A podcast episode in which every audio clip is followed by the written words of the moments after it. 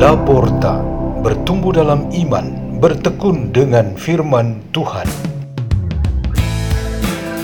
Radio Laporta, pintu terbuka bagimu untuk pertumbuhan pengetahuan dan kebijaksanaan tentang Allah.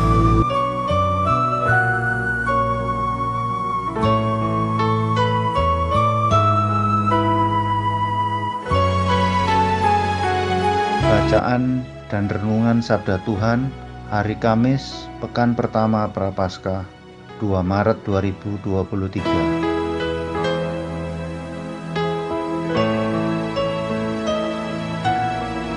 Dibawakan oleh Raymond dan Ratna Dewi dari komunitas Pukat Labuan Bajo, Keuskupan Ruteng, Indonesia.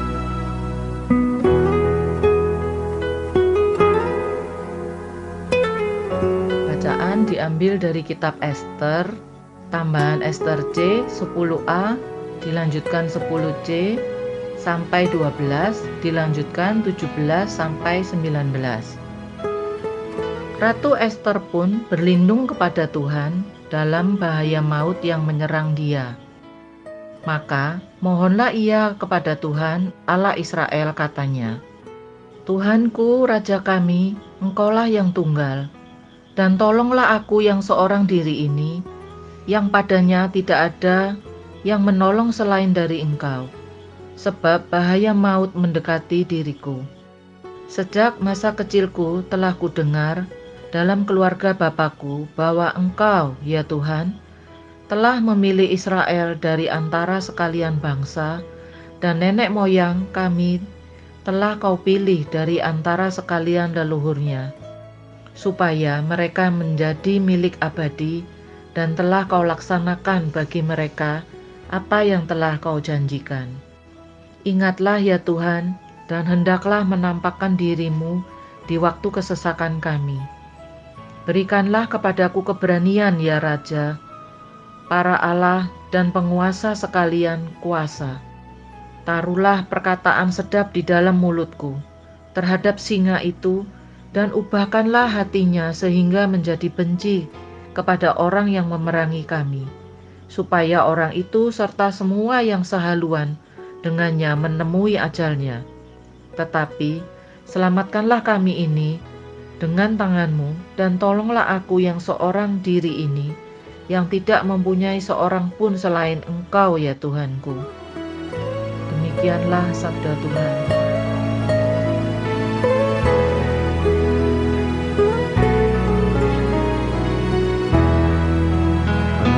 Kita pada hari ini bertema Tuhan adalah penolong kita.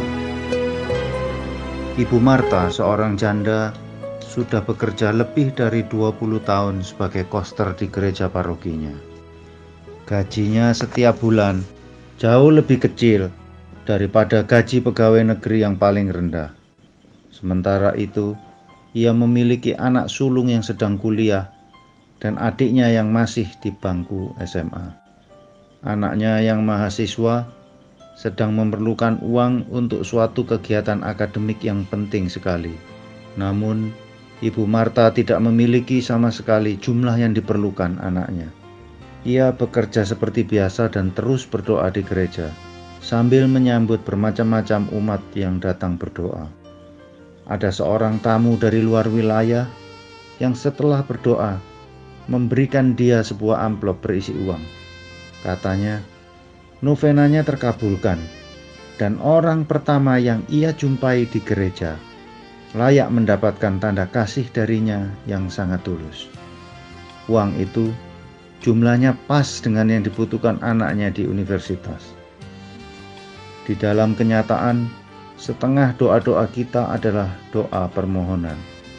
Kita meminta dan memohon karena kita percaya bahwa Tuhan Maha Murah tidak mungkin kita meminta terus tanpa henti kepada orang yang tidak punya apa-apa.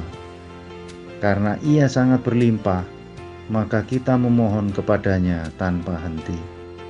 Jadi Tuhan sesungguhnya adalah penolong kita.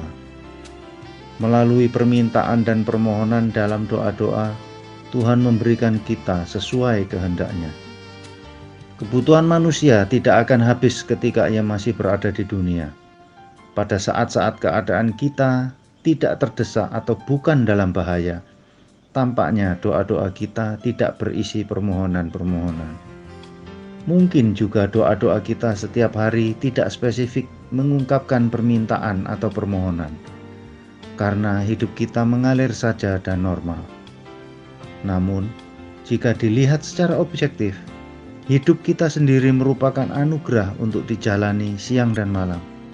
Kita justru perlu bimbingan dan perlindungan Tuhan. Kita tentunya menyatakan rasa syukur atas anugerah itu. Tetapi sebenarnya di dalam doa syukur itu tersirat permohonan supaya hidup kita dijauhkan dari segala pengaruh jahat dan ancaman musuh. Kita berharap supaya iman dan pengharapan kita akan penyelenggaraan Tuhan tetap kuat. Kitab Esther dalam Perjanjian Lama mengisahkan betapa bahaya maut sedang mengancam hidupnya. Ratu Esther sangat yakin bahwa hanya pertolongan Tuhan yang ia andalkan. Meskipun merasa sangat sendirian dan tidak ada seorang penolong di sampingnya, ia sungguh yakin bahwa Tuhan adalah penolongnya yang utama. Tuhan tidak tega menolak anak-anaknya minta tolong dalam iman yang teguh dan pengharapan yang kuat. Terlebih-lebih di dalam kesulitan dan kesesakan hidup. Harapan kita satu-satunya ialah Tuhan yang Maha Kuasa. Marilah kita berdoa dalam nama Bapa dan Putra dan Roh Kudus. Amin. Ya Allah, Semoga kuasamu menyertai kami di dalam kesulitan dan kesesakan hidup kami. Salam Maria, penuh rahmat Tuhan sertamu.